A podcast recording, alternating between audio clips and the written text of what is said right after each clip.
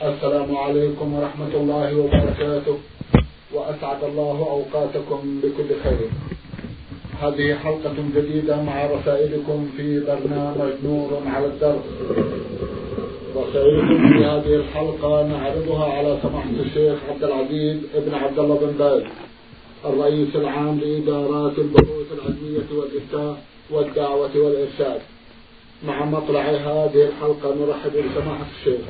ونشكر له تفضله بإجابة السادة المستمعين فأهلا وسهلا بالشيخ عبد العزيز. حياكم الله وبارك فيكم. أولى رسائل هذه الحلقة رسالة وصلت إلى البرنامج من أحد الأخوة المستمعين رمز باسمه بالحروف من ألف صاد مصري ومقيم في خميس شيخ. أخونا يسأل تفسير قول الحق تبارك وتعالى أعوذ بالله من الشيطان الرجيم ولا تلقوا بأيديكم إلى التهلكة. بسم الله الرحمن الرحيم. الحمد لله وصلى الله وسلم على رسول الله وعلى آله وأصحابه من اهتدى بهداه. أما بعد هذه الآية الكريمة ذكر أهل التفسير أن نزلت في الأنصار لما أرادوا أن يدعوا الجهاد وأن يتفرغوا لمزارعهم أنزل الله في ذا قوله جل وعلا وأنفقوا في سبيل الله ولا تلقوا بأيدي التهلكة. فالإلقاء باليد إلى التهلكة التأخر عن الجهاد مع القدرة والآية عامة. والقاعدة الشرعية أن الاعتبار في النصوص بعموم الألفاظ لا بخصوص الأسباب. فلا يجوز للإنسان أن يبقي بيده التهلكة كأن يوقي نفسه من شاهق ويقول أتوكل على الله إني أسلم أو يتناول السم ويقول أتوكل على الله إني أسلم أو يطعن نفسه بالسلاح ويقول أنا أتوكل على الله إني أسلم. كل هذا لا يجوز. يجب عليه التباعد عن أسباب الهلكة وأن يتحرز منها إلا بالطرق الشرعية كالجهاد ونحوه جزاكم الله خيرا. بعد هذا ننتقل إلى سؤال آخر لأخينا صاحب هذه الرسالة إذ يقول حجلت في العام الماضي ولله الحمد والمنة وقد رميت جمرات عن زوجتي ولم تكن حاملا ولا مريضة وكان معي أربعة أطفال صغار وشاهدت الزحام فلم أرها تستطع الرمي فهل هذا يجوز أم أنها تركت واجبة؟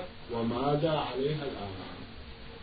إذا كان الحال ما ذكرتم فلا فلا شيء عليها لأن تعاطيها الرجل والحجارة مع الأطفال خطر عظيم وإضاعة الأطفال خطر عظيم فهي معذورة بوجود الأطفال لديها في التوكيل. نعم.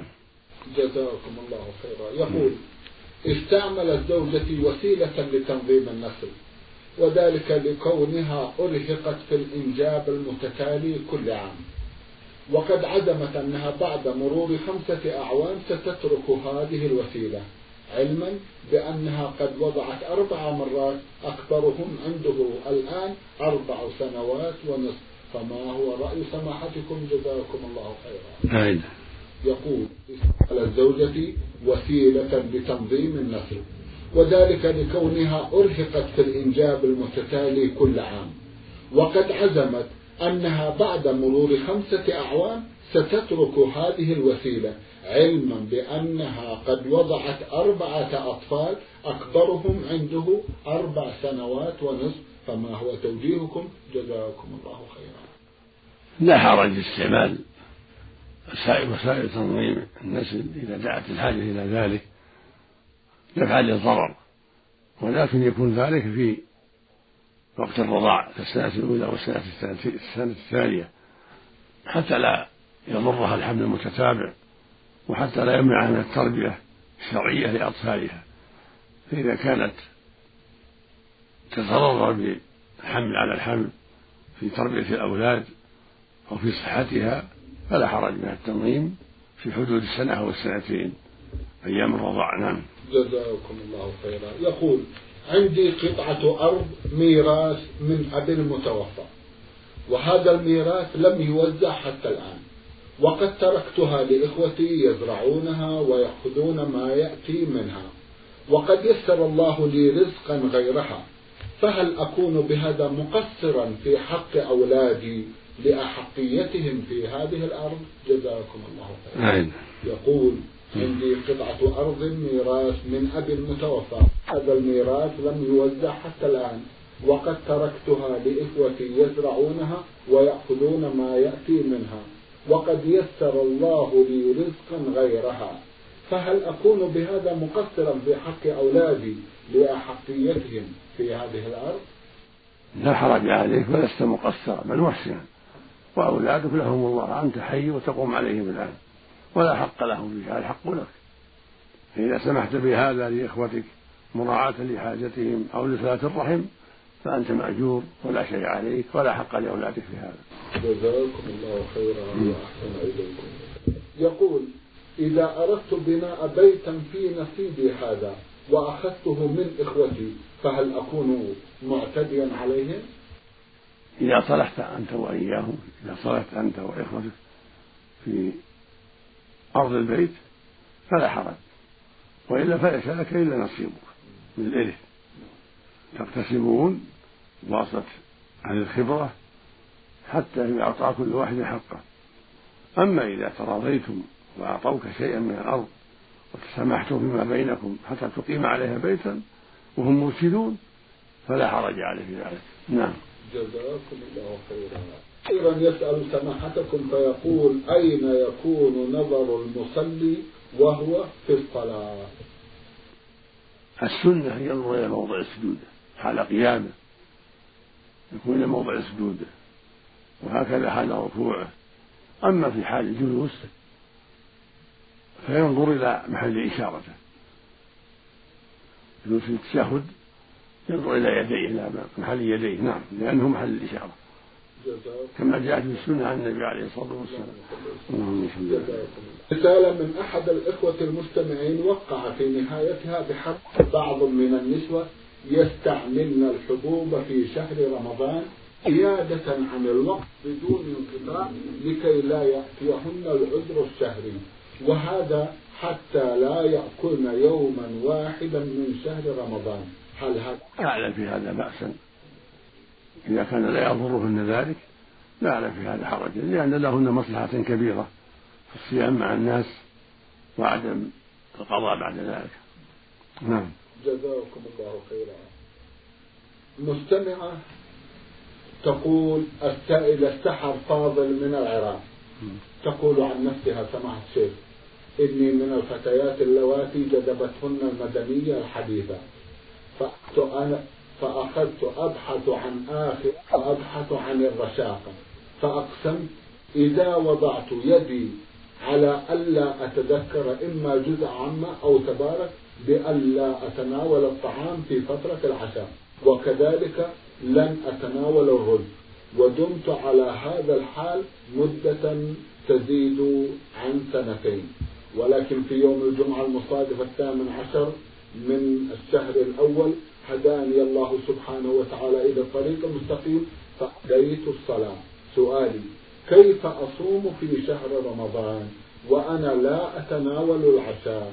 وهل صلاتي مقبولة بالرغم من العمل الذي قمت به وهو أي سؤال تقول إني من الفتيات التي أعجبتهن المدنية الحديثة. فأخذت إذا وضعت يدي على ألا أتذكر إما جزء عامة أو تبارك بألا أتناول الطعام في فترة الحج. إذا وضعت يدي. إذا وضعت يدي على ألا أتذكر إما جزء عامة أو تبارك بألا أتناول الطعام في فترة العشاء. وكذلك لا أتناول الرز ودمت على هذا الحال مدة تزيد عن سنتين. وفي يوم الجمعة المصادف الثامن عشر من الشهر الأول هداني الله سبحانه وتعالى وقيت الصلاة؟ سؤالي كيف أصوم في شهر رمضان؟ وأنا لا أتناول العشاء وهل صلاتي مقبولة بالرغم من العمل الذي قمت به؟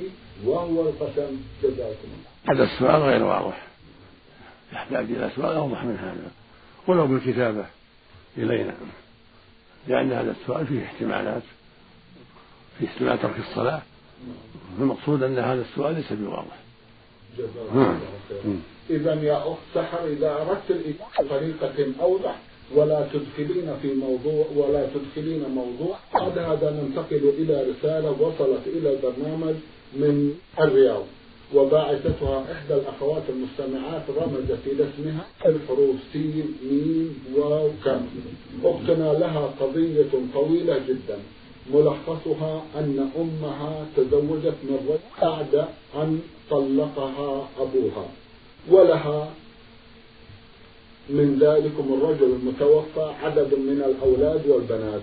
وأيضا لهن أخ من أبيهن. ملخص ما في القضية.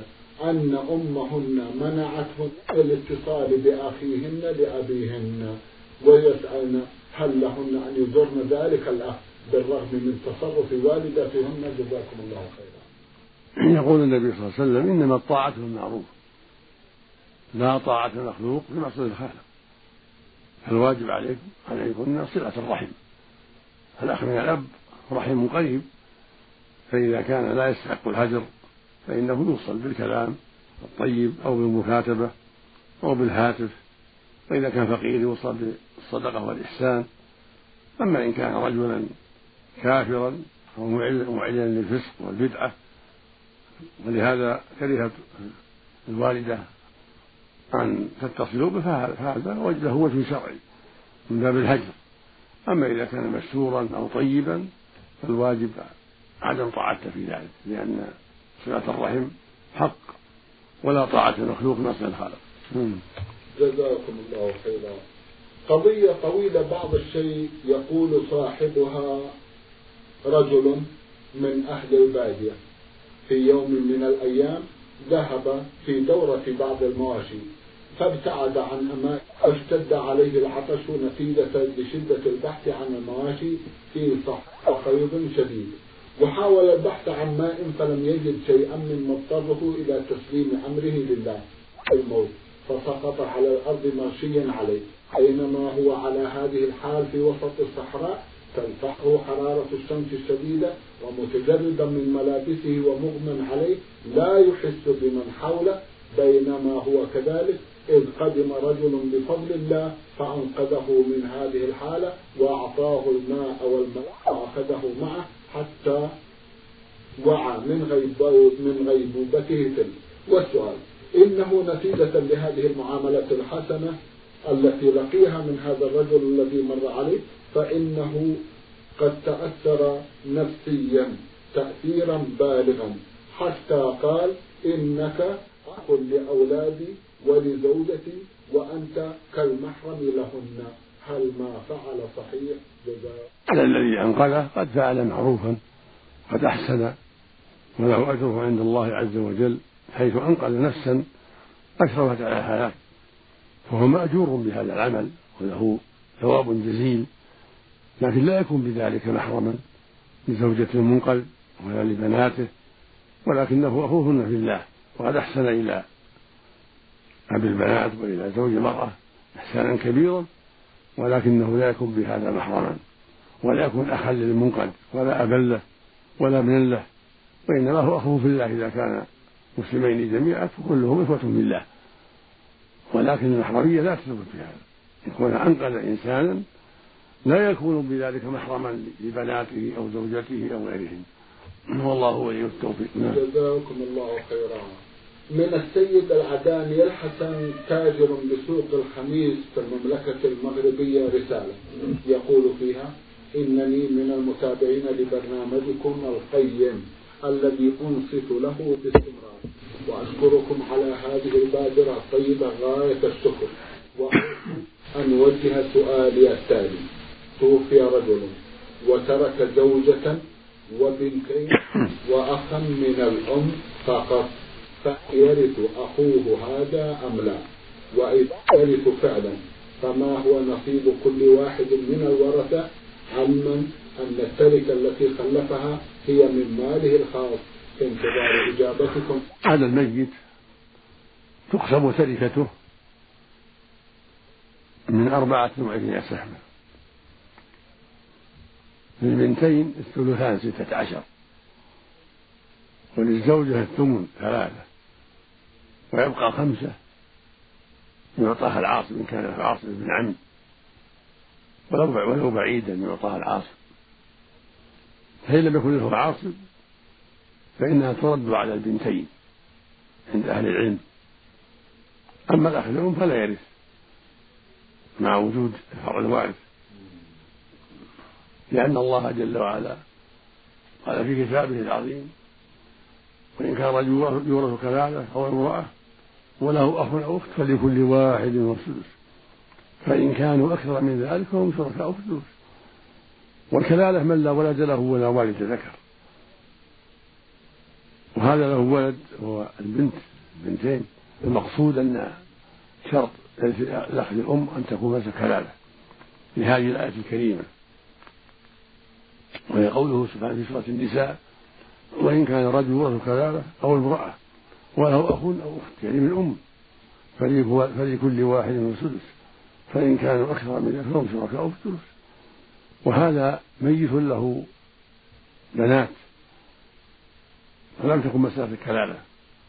فيكون الأخ لأم لا حق له في الإرث. والباقي بعد الزوجة والبنتين يكون لأقرب العصبة. فإن لم يكن له عصبة فإنه يعطى الباقي للبنتين ويكون إرثهن فرضا وردا. ستة عشر فرضا وخمسة ردا. هذا هو الصواب والمفتى به وهو قول أهل العلم في هذه المسألة في الآية الكريمة. نعم. جزاكم الله خيرا. رسالة من المستمع عبد الله خليفة من الزرفي. يقول أنا من المتابعين لبرنامجكم نور على الدرب والحمد لله. وأريد من سماحتكم التكرم بالإجابة على هذا السؤال وهو قال الله تعالى لا يؤاخذكم الله باللغو في أيمانكم ولكن يؤاخذكم بما كسبت قلوبكم. الآية ما معنى اللغو في الأيمان؟ جزاكم الله خيرا. الآية واضحة. يقول سبحانه لا يؤاخذكم الله باللغو في أيمانكم ولكن يؤاخذكم بما كسبت قلوبكم في الآية الأخرى ولكن يؤاخذكم بما عقدتم الأيمان كسب القلوب نيتها وقصدها فكسب القلوب الإيمان بالله والمحبة لله والخوف من الله والرجاء سبحانه وتعالى كل هذا من كسب القلوب وهكذا نية الحالف يعني قصده اليمين وإقباله عليها هذا من كسب القلوب أما اللغو كون يتكلم باليمين من غير قصد. جرت على لسانه من غير قصد. والله ما أقوم والله ما أتكلم والله ما أفهم إذا كذا ما ما نواها ما تعمدها جرت على لسانه لكن من غير قصد. يعني من غير قصد عقد اليمين على هذا الشيء. من غير قصد القلب أنه يفعل هذا الشيء. هذا هو لغو اليمين. قول الرجل لا والله وبلا والله.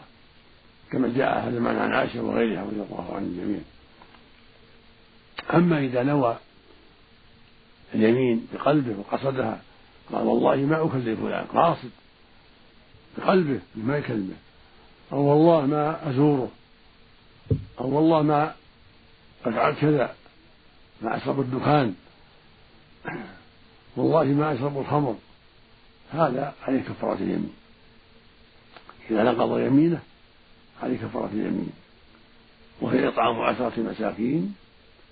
أو كسوتهم أو عتق رقبة فإن عجز عن الثلاثة صام ثلاثة أيام. لقوله جل وعلا ولكن يؤاخذ ما عقدتم الأيمان فكفارته إطعام عشرة مساكين من أوسط ما تطعمون أهليكم أو كسوتهم أو تحرير رقبة.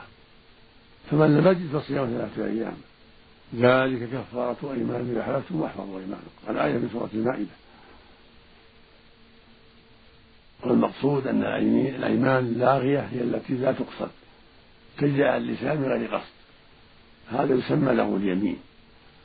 وليست من منعقدة وليست من كسب القلوب. أما إذا عقدها قاصدا لها بقلبه فهذا من كسب القلوب وهذا من تعقيد الأيمان. فعلى صاحب هذه اليمين إذا خالفها أن يكفر. كفارة اليمين. كما تقدم. فإذا قال والله لا أكلم فلانا قاصدا ثم كلمه عليه كفارة اليمين. والله لا أزوره ثم زاره عليه كفارة اليمين.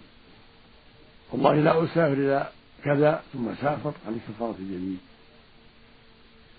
بخلاف إذا مر على لسانه اليمين من غير قصد. ما ما تعمده ولا قصده.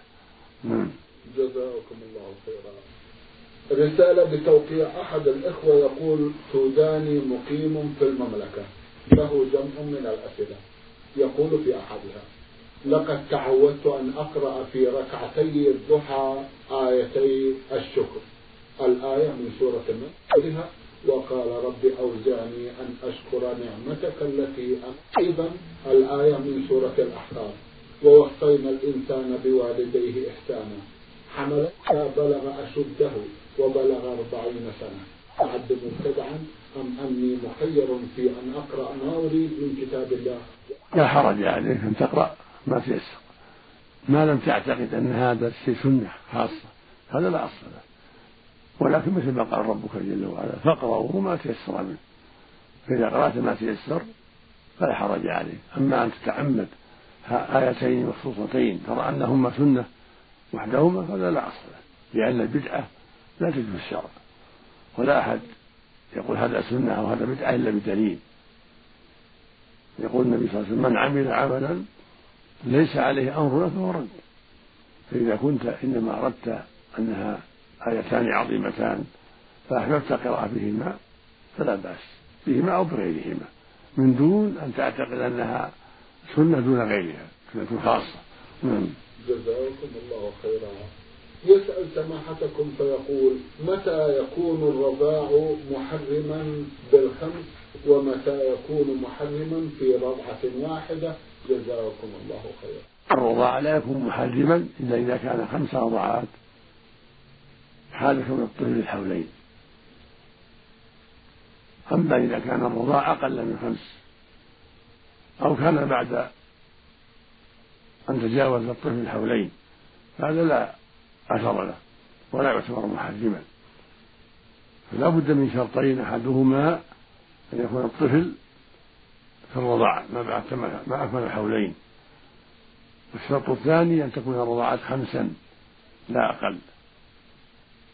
لمجيء الأحاديث بذلك لقوله صلى الله عليه وسلم لا رضاع إلا في الحولين والله سبحانه يقول والوالدات يرضين أولادهم حولين كاملين. ولقوله صلى الله عليه وسلم لسهل بنت سهيل أرضعي سالما خمس رضعات. تحرمي عليه. ولما ثبت في الصحيح عن عائشة رضي الله عنها قالت كان فيما أنزل من القرآن عشر رضعات معلومات يحرمنا. ثم نسخت بخمس معلومات فتوفي النبي صلى الله فتوفي النبي صلى الله عليه وسلم والأمر على ذلك. يعني توفي النبي والأمر على هذا الحال لم ينسخ ولم يغير. خمس معلومات ثابتة كانت المرأة العدل أو الرجل العدل أو أكثر. فإذا كانت المرأة عدلا واعترفت بخمس في الحولين قبل منها. فلا بد من خمس ولا بد من كونها في الحولين. ولا بد أن تكون مدعية لذلك امرأة عدل يعني ثقة. أو رجل اشتدى المرأة أنها رأت خمسا وهو عدل ثقة. نعم. أو أكثر من ذلك. نعم. يقول يا سماحة الشيخ أنا أعمل في المملكة وكل شهر أستلم مرتبي فعندما يحول الحول كيف أخرج الزكاة؟ هل عن الشهر الأول الذي حال عليه الحول أم عن مرتب السنة كلها التي عملت أول شهر إلى آخر الشهر الذي أخرج فيه الزكاة؟ كل ما حال الحول على راتب فزكى الشهر الأول زكى أولا والشهر الثاني هكذا والثالث هكذا. كل ما تم الحول على الراتب وجبت فيه الزكاة. إلا إذا أردت تقديم الزكاة عن الأحوال المتأخرة قدمتها مع الأول فلا حرج عليه لا بأس يجوز تقديم الزكاة. لكن لا يلزمك إلا إذا تم الحول على كل راتب. نعم. جزاكم الله خيرا. بمعنى يزكي راتب محرم في محرم وصفر في صفر هكذا نعم. جزاكم الله خيرا. يسأل أخونا سماحتكم فيقول نرجو من سماحتكم أن تتفضلوا بتوضيح أنواع الشرك. وهل الحلف بغير الله شرك يخرج صاحبه؟ شرك نوعان. شرك أكبر وأصغر. فالشرك الأكبر صرف العبادة لغير الله أو بعضها كدعاء الأموات والاستغاثة بالأموات والنذر لهم. أو للجن أو للملائكة أو غيرهم من الأموات والغائبين. هذا يقال الشرك الأكبر. كما كانت قريش وغيرها من العرب يفعلون ذلك عند أصنامهم وأوثانهم. ومن ذلك أيضا إذا جحد الإنسان أمرا معلوما من الدين بالضرورة وجوبا أو تحريما. من جحده كان كافرا ومشركا شركا أكبر. كمن قال إن الصلاة لا تجب. على المكلفين من المسلمين. أو قال إن الزكاة لا تجب على من عنده أموال الزكاة. أو قال إن صوم رمضان لا يجب على المسلم المكلف.